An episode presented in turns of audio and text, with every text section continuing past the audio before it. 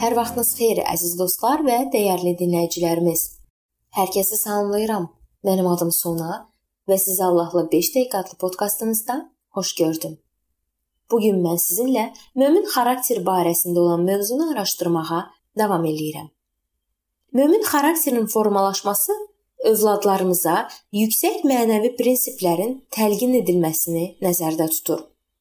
Bura vicdanı təmiz saxlamaq bacarığı, Dostların özündə günah daşıyan təkliflərinə yox demək bacarığı, valideynlərlə məsləhətləşmək bacarığı, özünü mənəvi təmizliklə saxlamağı bacarmaq, etibarlı adam olmaq bacarığı daxildir.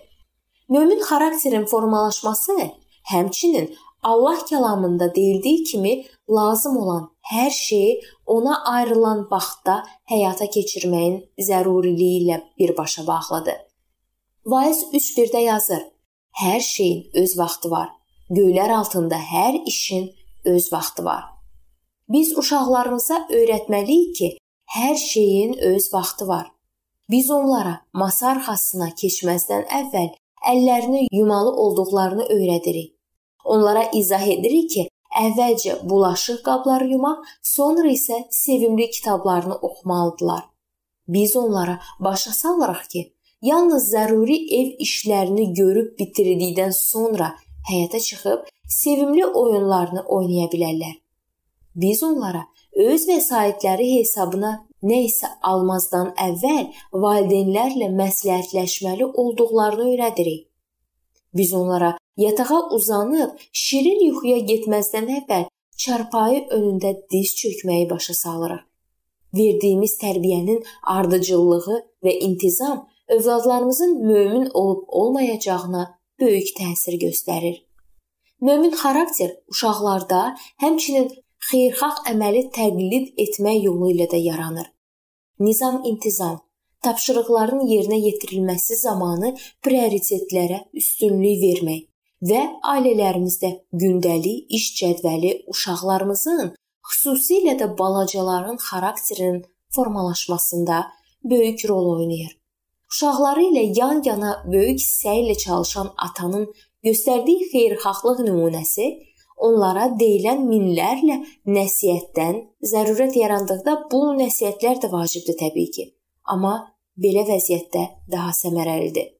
Onun mehriban, sədaqətli həyat nümunəsi onları atalarının nə demək istədiyinə və hətta onlara dediklərini ifadə edib etməməsinə dair lazımsız şübhələrdən xilas edəcək.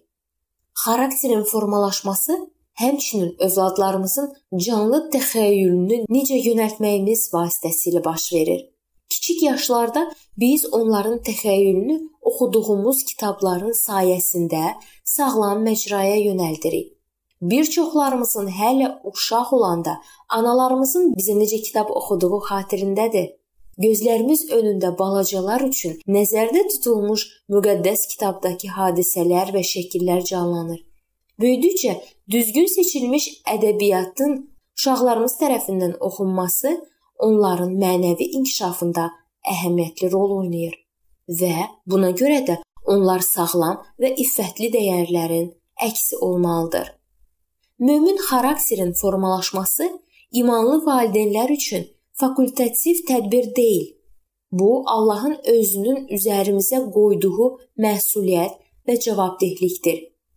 Qoy Rəbbimiz İbrahimin həyatının sadiq nümunəsini təqlid edərək atalıq borcumuzu sədaqətlə yerinə yetirməyimizə kömək etsin. Və Yaradılış kitabı 18-19-da belə sözlər yazılıb və bununla bitirmək istəyirəm görüşümüzü.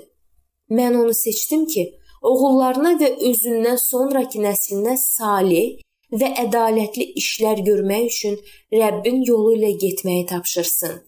Rəbb də İbrahim barədə dediyi sözü yerinə yetirsin. Amin.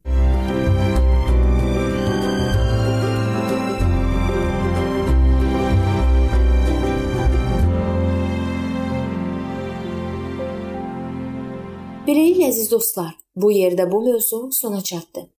Hər zaman olduğu kimi sizi dəvət edirəm ki, bizim podkastlarımızı Facebook səhifəmizdən və YouTube kanalımızdan dinləməyə davam eləyəsiniz.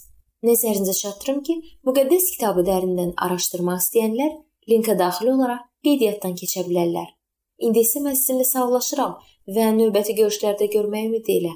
Sağ olun, salamat qalın.